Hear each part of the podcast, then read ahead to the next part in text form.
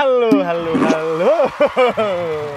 Selamat datang di uh, acara baru yang aku bikin namanya Podcastra.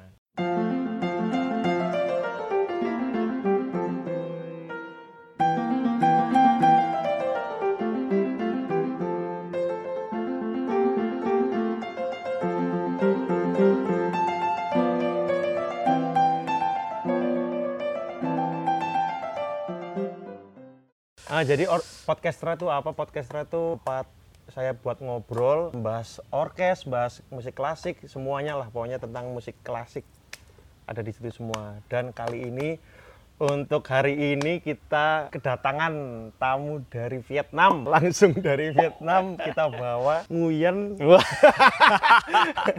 Nguyen Arjuna Bagaskara. Wih. Oke. Halo Mas. Halo. Suaranya tak kau roto ngebas sih. Oh, oke. wan. Aku yo, aku pengen ngerotok ngepas. Selamat datang. Terima kasih sudah mengundang saya Oke. yang jauh-jauh. Oke oke. Mungkin ada yang belum tahu Mas Bagas itu siapa. Bisa kenalin nggak? Memperkenalkan diri. Oke sebenarnya nama saya itu Bagas Koro Biar Sumirat. Arjuna nggak ada ya? Nggak ada. Arjunanya cuman. Oh, berarti saya salah ya? tok. Sa- Nggak nggak salah Oh, itu nggak nggak salah. salah. Saya tetap seorang Arjuna. Tapi nggak nggak ada di nama saya nggak ada. Oh emang nggak ada? Nggak ada. Loh, namanya Bagaskara biar Sumirat doang. Oke, oke, oke. Ah, Arjuna Arjuna. Aku baru tahu, aku baru tahu. Arjuna di dalam diri. Oke, oke. Oke, eh, saya asli Jogja dan eh, saya pemain obo. Udah gitu aja sih, nggak ada spesial spesialnya.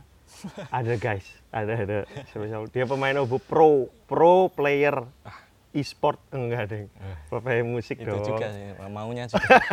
Maunya Dota ya. oh ya, Oh, iya. Tapi bisa main, bisanya main obo. bisanya cuman main obo. Nggak, jadi Mas Bagas itu pemain obo. Ya dia denger-dengar dulu kuliah juga di Singapura di Oh Yongsito. iya po. Dengar-dengar ini menurut tim saya ya, yang riset. Dia kuliah di Singapura bener nggak? Benar. Kuliah di Singapura, Hmm. terus juga eh, mengikuti festival banyak festival juga dan sampai sekarang eh, bekerja di orkestra di Vietnam. Betul. Cuman karena corona gitu ya Gitu ya. langsung. Nah, jadi Corona menghancurkan segalanya. tapi sekarang lagi balik karena corona. Betul. Karena ya pekerjaan saya di sana sedang off Hmm. dan memang ya saya me- memang eh, jadi apa ya resmi menganggur.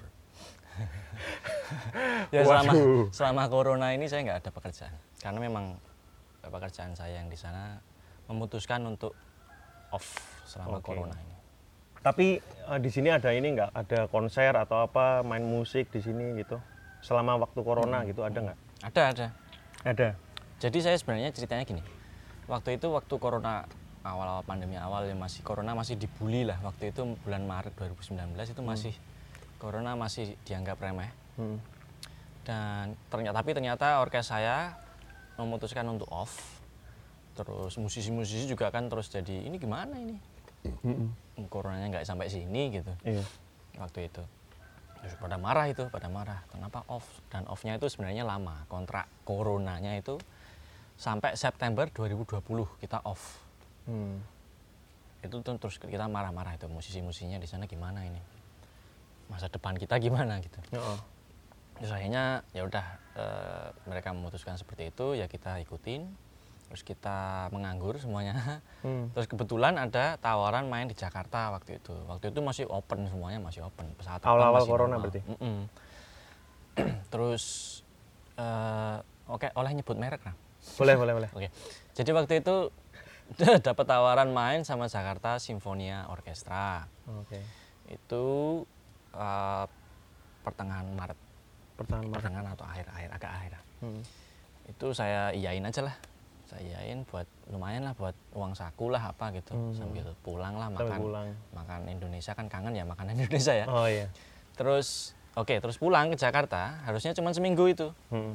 Main terus nggak jadi konser akhirnya akhirnya direkam aja karena waktu itu corona udah mulai merajalela di Hmm. Asia Tenggara Maret akhir-akhir itu terus eh, nggak jadi konser akhirnya cuma direkam Direkam. terus nanti di Oh, berarti rencananya emang konser. rencana konser Oh. Mm, hari Sabtu konser tapi kita rekam hari Kamis ternyata Oke. terus habis itu pesawat pesawatku pulang Vietnam cuma seminggu harusnya Hmm. Eh, itu harusnya hari Minggu setelah hari setelah konser harusnya Hmm. eh pas eh, selesai rekaman aku bingung kan ini gimana ini kelanjutannya ini gimana terus aku akhirnya memutuskan untuk eh, pulang ke Jogja sambil nunggu Oke. Kepastian ya. Ah, ah, sambil nunggu Bisa pulang apa enggak? Ah, ah. terus akhirnya ternyata hari Sabtu Vietnam tutup sampai sekarang ini sekarang tanggal berapa tanggal berapa sekarang Sekarang Januari tanggal 11. 11 ya 11 Januari Tahun tu- lalu berarti ya? masih tutup Vietnam Masih tutup. gila ya Karena corona itu. karena corona jadi saya nggak bisa pulang ke sana Padahal Vietnam tuh negara yang pertama kayaknya yang Relatif. paling bersih ya relatif aman ya di sana sekarang dari Asia. sekarang di sana kehidupannya normal Hmm. Dan memang dikonten dengan baik kalau ada orang masuk yang penting-penting orang-orang penting yang bisa masuk itu Hmm. itu terus dikarantina walaupun sehat walaupun apa itu tetap dikarantina Karantina. jadi mem- memang mereka udah nggak ada kasus lagi yang yang itu Oh, Oke. bersih lah di sana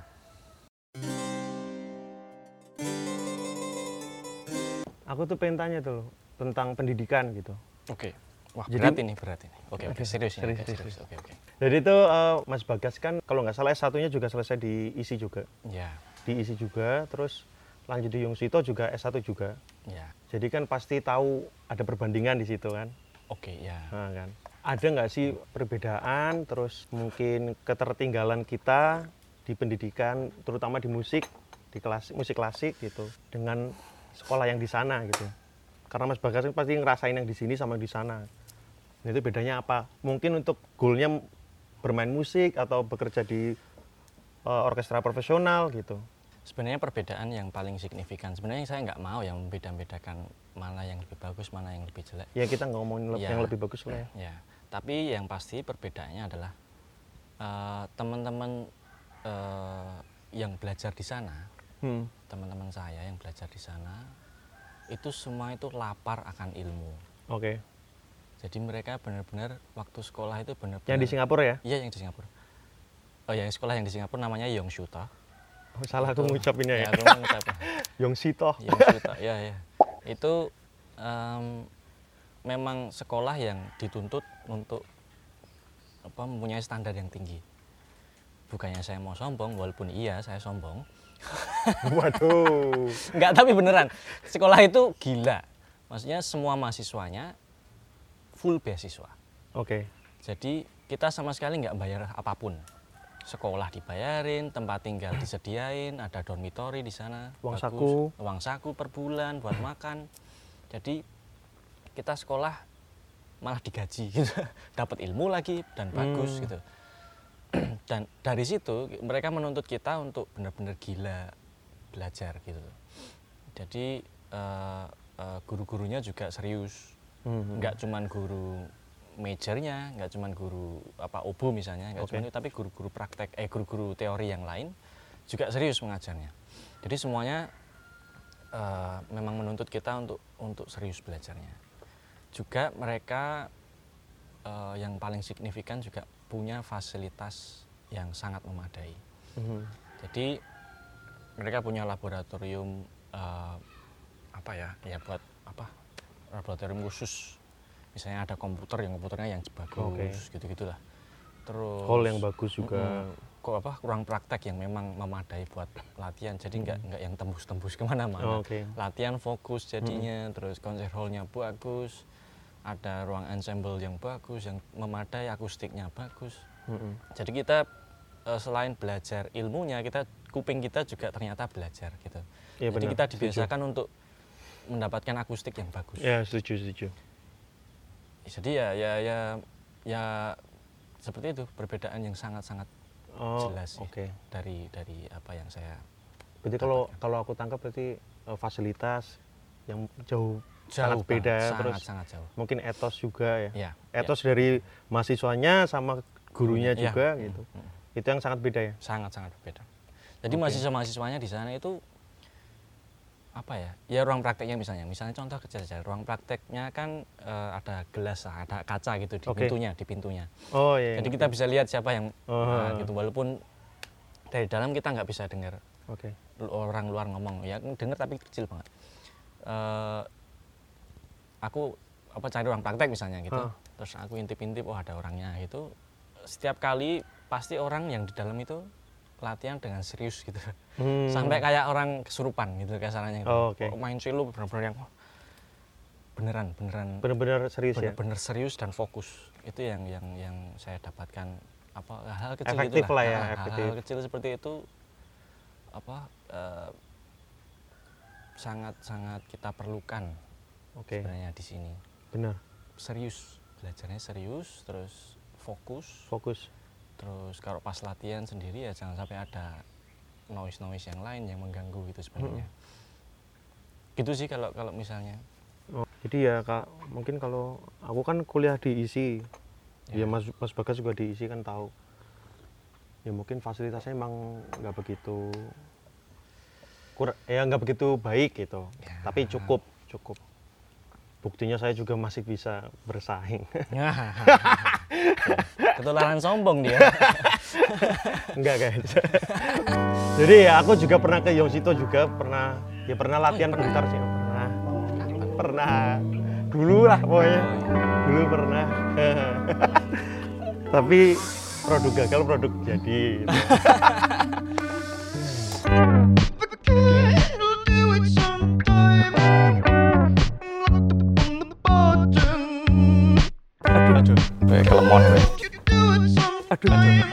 Kelemon gue gue kelemon gue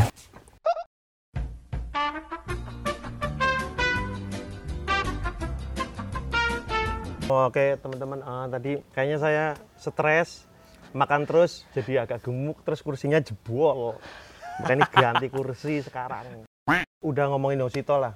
Yongsito emang bagus banget sih aku ya kan pernah ke sana juga.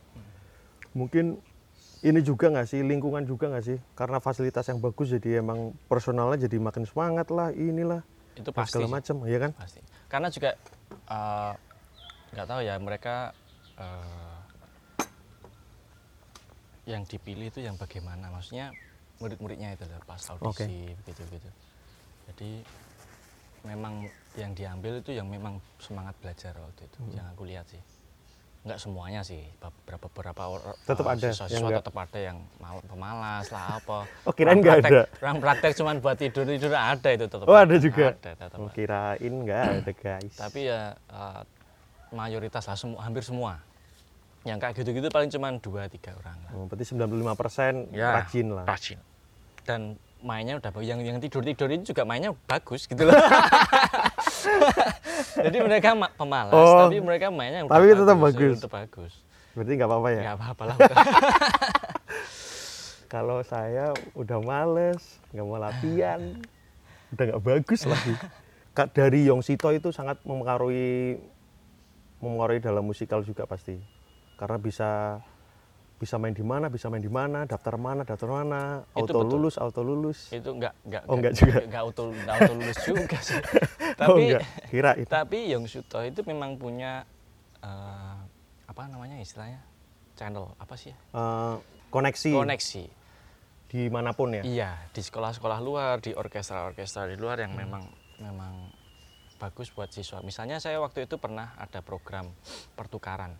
Hmm. waktu itu saya dipilih dua orang satu saya satu teman saya pemain tuba satu Hmm. angkatan dikirim ke Hangzhou Cina untuk ikut orkestra mereka Hangzhou Hmm. Philharmonic Orchestra Eh, dan dua orang dari sana yang pro player dari sana dikirim untuk main di orkes sekolah Hmm. jadi tuker gitu oke itu nggak tahu saya dipilih kenapa mungkin kasihan sama saya ya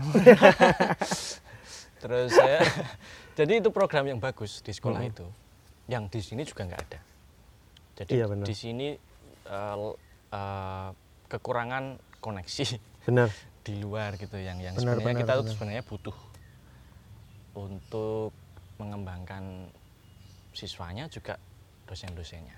Iya benar. Kalau di sini tuh kita yang nyari sendiri, Betul. kita yang ngurus sendiri, Iya. ya kayak gitu. Ke- kenyataannya kayak gitu. Kalau saya seringnya kayak gitu. Ya jujur aja saya dalam proses saya sendiri gitu loh. Maksudnya saya berjuang dulu sendiri nggak ada yang Yang di Jogja waktu di Jogja Pak. maksudnya di kampus nggak ada yang kamu coba sekolah di Singapura nggak ada seperti itu. Oke. Kamu sampai sekarang juga nggak ada kan seperti itu. ada tapi nggak ngasih solusi. Nah, gitu kan. Maksudnya nggak ada nggak ada kelanjutan gitu loh, nggak ada nggak ada kejelasan di sini. Saya dulu juga kan dulu kan juga nggak ada guru gitu ya. Sebenarnya titit gitu nggak apa-apa. tapi tapi memang ya saya dulu berjuang sendiri, cari sendiri, cari guru sendiri. Hmm, hmm. Tapi emang kenyataannya emang nggak tahu ya kalau teman-teman sewon tuh banyak yang berjuang sendiri gitu. Ada ada bagusnya nggak sih? Kalau menurutku ada sih. Eh, jadi apa ya? Lebih lebih mandiri terus dia tahu informasi segala macam gitu. Kayak misalnya aku apply acara apa gitu, aku nggak nggak cuma tahu apply apply doang, nggak tahu musiknya doang, tapi ngurus visa terus sponsor Betul. jadi jadi tahu semuanya Iya, gitu. iya. Karena kita emang sendirian, nggak ada yang nggak ada yang bantuin. Nah tapi yang kayak gitu kan cuman kamu, aku, siapa gitu. iya sih. Mm. Enggak maksudnya jadi nggak bagusnya itu banyak teman-teman kita yang tersesat gitu. Oh iya iya. Teman-teman kita yang nggak tahu mau ngapain gitu loh. Kita belajar di sini ngapain, setelah ini mau ngapain gitu loh. Jadi memang kita eh, banyak yang menyerah jadinya. Banyak yang eh, eh, jadi nggak main musik lagi gitu loh. Banyak yang gantung instrumen-instrumennya. Jadi ya cuman beberapa segelintir orang aja yang berjuang gitu loh, mencari sendiri, menjadi mandiri. Jadinya seperti itu. Iya ya ada sih. bagusnya, ada enggaknya pasti. Mm-mm. Tapi emang nggak semuanya emang bisa untuk berjuang kayak gitu. Atau mungkin emang dia belum ngerti caranya kayak gimana dan Yang segala padahal macam. kita itu sebenarnya berpotensi besar. Maksudnya Semua orang ya? Semua ya. Mm-mm. Apalagi kita yang yang sebenarnya kita tuh pejuang gitu, peta- petarung. Ya aku meyakini itu. Ya, tapi kadangkala ya itu eh, lingkungan kita yang mem- membuat kita menjadi terperosok gitu ya. Hmm. Jadi kita nggak tahu mau ngapain gitu. Hmm. Ya setuju, setuju. Tersesat secara mental. Deep, deep, deep, deep talk.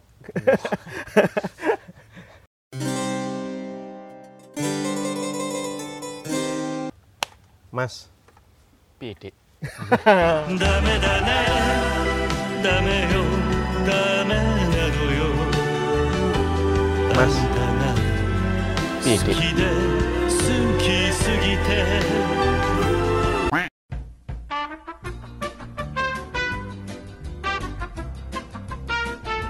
jadi eh, cerita dikit ya. Aku tuh kenal Mas Bagas tuh juga baru-baru nggak sih itu kan? Ya hitungannya anyar ya. walaupun lama lah 2016 jadi tuh karena nyambung yang tadi karena nggak ada support dan segala macam aku orangnya tuh suka nyari-nyari informasi kayak gitu buat karena di kampus mungkin nggak maksimal pengajarannya aku nyari di luar biar dapat ilmu di luar juga jadi aku sempet nyari-nyari mungkin ada festival gitu festival musik kebetulan ada Asia itu Asia Youth Orchestra aku ikut dan terus ketemu Mas Bagas nah dikenal ah, kenalnya dari situ dari waktu kita ikut festival ya Ya. Padahal kampusnya kita sama gitu. Hmm. Tapi dia emang angkatan udah tua Nah, banget. terima kasih. Terima kasih. Jadi nggak ketemu guys. nggak dulu tuh. Aku nggak tahu kalau ada. Nggak tahu Mas Bagas waktu ikut festival itu. Saya S1 dua kali aja dia baru masuk isi.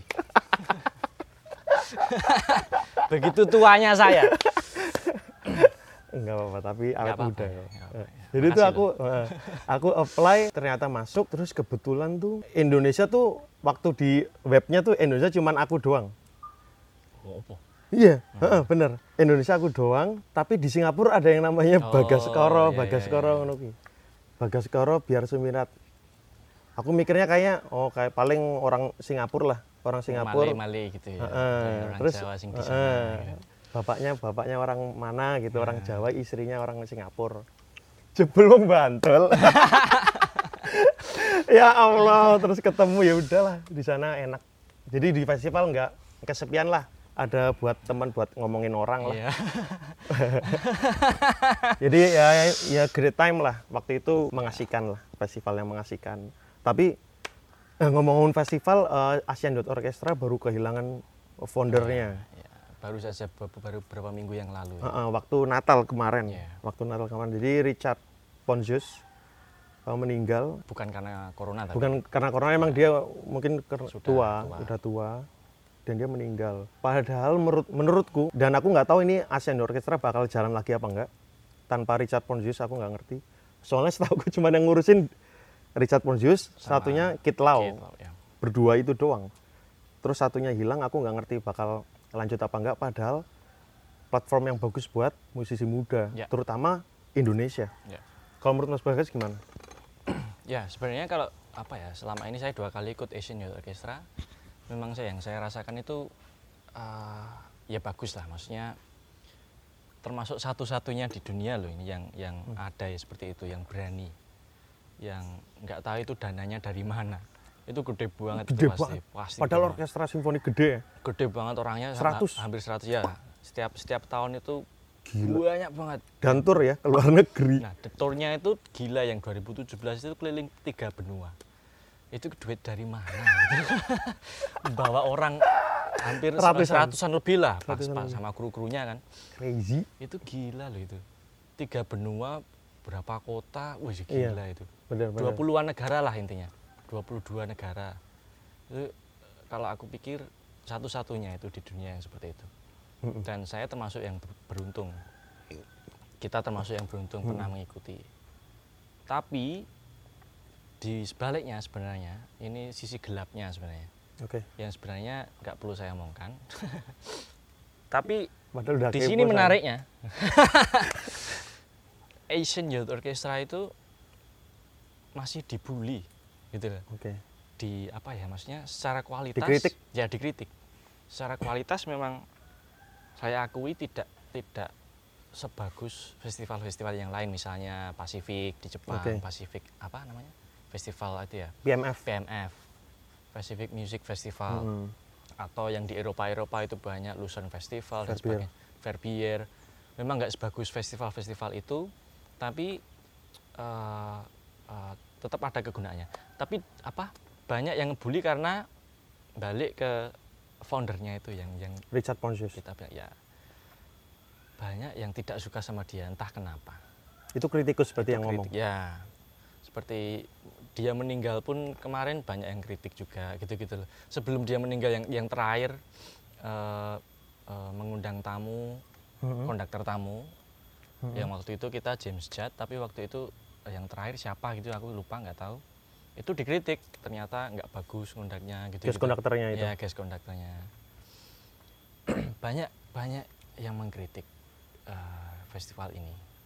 Tapi sebenarnya Richard Pontius itu adalah apa legenda sebenarnya dia seorang yang mungkin satu-satunya yang berani membuat festival yang yang eh, tidak semua yang semuanya orang tuh tahu tapi menganggap remeh. Mm-mm. itu itu gila sih dia setiap tahun hampir setiap tahun itu selalu ada Mm-mm. kecuali ada momen-momen yang yang memang harus off gitu mungkin pas dia sakit atau apa gitu dan iya masa depan Asian Orchestra ini kita nggak tahu mau dibawa ke mana ini mereka juga saya juga cari informasi Hmm. juga mereka belum tahu karena ya itu Kehilangan satu orang kehilangan- itu yang sangat penting. sosok penting Sosok penting di Asian Orchestra. Jadi dia tuh kayaknya emang nggak jadi nggak hanya jadi music director, dia juga ap- berkenalan dengan investor banyak, Banyak segala macam. Ya, Jadi nggak ya. cuman nggak cuman ngurusin musik doang Richard Pontius. ya ngurusin semuanya lah manajemennya Youth Orchestra dan padahal itu bagus banget eh, buat teman-teman yang pengen belajar orkestra ya. Ya ya ya mu- mudah-mudahan tahun depan atau tahun-tahun besoknya ada lah ya, gitu. ya. dan teman-teman harus coba ikut audisi itu karena sangat-sangat bagus. Kalau ada lagi ya. Kalau ada lagi. Kalau dari aku kan nggak ngerti nih festival yang ya aku sering sih beberapa kali ikut festival yang yang lain gitu. Eh, kayak apa ya? Kalau teman-teman tahu ada Sikov Seoul International Community Orchestra terus ada eh, festival juga di Dresden itu teman-teman bisa ikutin juga. Hmm. kalau mungkin Mas Bagas ada nggak informasi kayak gitu-gitu? Atau mungkin pengalaman lah festival musik? Karena festival musik itu sangat membantu nggak sih gitu? Untuk ke depannya kita bermusik? Oke, Ini pertanyaan bagus. Dan jawabannya iya, sangat-sangat membantu karena satu kita jadi eh, terbuka Hmm. akan paradigma kita, pikiran kita. Jadi kita seperti mengenali hal-hal baru yang benar. positif gitu. Hmm. Kita dikelilingi orang-orang yang positif, orang-orang baru yang yang juga eh, eh, ingin membuka diri. Iya. Jadi sangat seru sih apalagi seperti Asian Youth Orchestra atau orkestra-orkestra yang yang ngerekrut eh, musisi muda. Itu eh, kita jadi semangat Hmm. terus eh, termotivasi membuka diri untuk oke ternyata di dunia luar seperti ini Hmm. gitu itu yang penting jadi nggak nggak selalu kita melihat diri kita sendiri di sini gitu nggak selalu eh, dalam tanda kutip ngejob di Jakarta Hmm. maksimalnya di situ kita jadi terbuka Oke. Punya untuk- cita-cita yang punya- lain nah, gitu. ternyata ternyata kita ternyata banyak potensi sebenarnya sebenarnya kita bisa Hmm. keluar kasarannya gini sekali lagi aku mau sombong ini ya wong wong saya bisa loh kerja di Vietnam Oke. oke lah orkesnya nggak istimewa lah atau apa gitu tapi saya bisa apalagi teman-teman apalagi kowe Hmm. apalagi yang lain yang masih muda-muda yang yang yang eh, yang sekarang banyak sosok yang bisa dilihat gitu Hmm. kalau waktu du- saya dulu nggak ada sosok yang bisa dilihat siapa di sini gitu Oke. jadi eh, kalau saya bisa, kenapa kalian enggak? Gitu kasarannya seperti itu. Jadi eh, mengikuti festival-festival itu harusnya membuat kita menjadi semangat gitu loh. Maksudnya eh, Sisi lainnya nggak cuma musik doang tapi Ah, emang ada itu ah, ya ah, ngasih semangat. ngasih semangat, ngasih motivasi gitu, membuka mata lah. Iya emang bener itu banget. yang yang paling penting itu sih. Terus yang paling penting kedua adalah kita memperbanyak teman. Iya jadi benar. jadi nggak cuman sekali lagi bener nggak cuman musiknya yang kita pelajari di situ tapi juga ternyata kita temannya menambah banyak banget Wah benar. gitu dan itu penting M- eh, banyak teman di seluruh dunia itu kan enak banget ya iya benar. Apalagi kalau ikut festival yang eh, tiap negara ada orangnya di situ. Mm, mm, Jadi kalau mau ke sana ada dia ada kenal dia kenal iya betul betul ya itu enak enak enak kita bisa apa cultural exchange gitu kita bisa belajar bahasanya gitu gitu walaupun yang yang unik-unik lah gitu ya bahasa-bahasa Ngomong wae sing saru. Nah.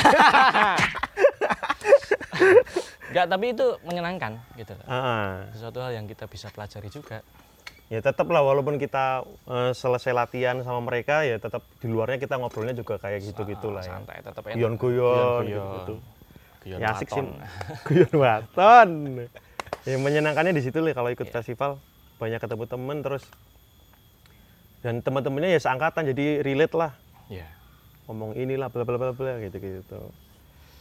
Jadi kalau Mas Bagas itu salah satu apa ya jawaban. Kalau mungkin teman-teman eh, musisi mungkin ada yang khususnya di orkestra ada yang tanya mungkin nggak kalau kita kerja di luar sana di profesional segala macam ini jawabannya udah. Nggak nggak ada alasan lah nggak bisa ada, kasih alasan. Kita- kamu nggak bisa alasan apa? Ini udah jawabannya. Iya. dan konkret udah jelas. Terus juga menurut Mas Bagas juga ada potensi juga di sana cuman tapi apa sih yang harus dipoles gitu Nah, ini. yang harus dipoles eh, dari kita mungkin kurangnya apa gitu Oke. mungkin sedikit tips and trick gitu ya. ini mungkin beberapa orang juga pengen tahu gimana sih kok bisa kerja di luar sebagai musisi profesional di luar gitu. khususnya orkestra ya khususnya orkestra. Jadi kuncinya satu, jangan jadi pemalas. oke Ini sangat penting sekali buat kita karena kita jujur aja kita di luar itu dicap sebagai bangsa yang pemalas. Karena kita memang pemalas, secara, secara nggak sadar ya kita memang eh, bangsa yang pemalas. Dan itu jangan sampai terjadi. Eh, saya ingat dulu kembali sedikit ya mundur sedikit kalau saya berkaca mundur lagi waktu saya di Singapura awal-awal gitu eh, secara nggak sadar saya tuh kan saya bilang tadi standarnya mereka kan tinggi ya. Saya rasa nggak sadar saya itu saya itu eh, latihan obo. Hmm. nggak tahu lah itu berapa jam. Saya sampai lupa berapa jam itu sampai bener-bener hampir setiap hari. Hmm. pokoknya base pertama base pertama itu jam 7 pagi sampai base terakhir pulang gitu saya latihan terus di kampus. Jadi latihan intinya dan nggak bisa jadi pemalas karena eh, kalau kita jadi pemalas ini dalam segi hal apa pun sebenarnya nggak cuman Iya, nggak cuman musik nggak cuman praktek dan sebagainya kehidupan sehari-hari Kehidupan juga. sehari-hari itu apa ya Sinkron lah dalam ber- waktu bermusik. Kalau misalnya orangnya rajin, orang rajin terus tekun di bermusik pun juga pasti kayak gitu Iya. juga.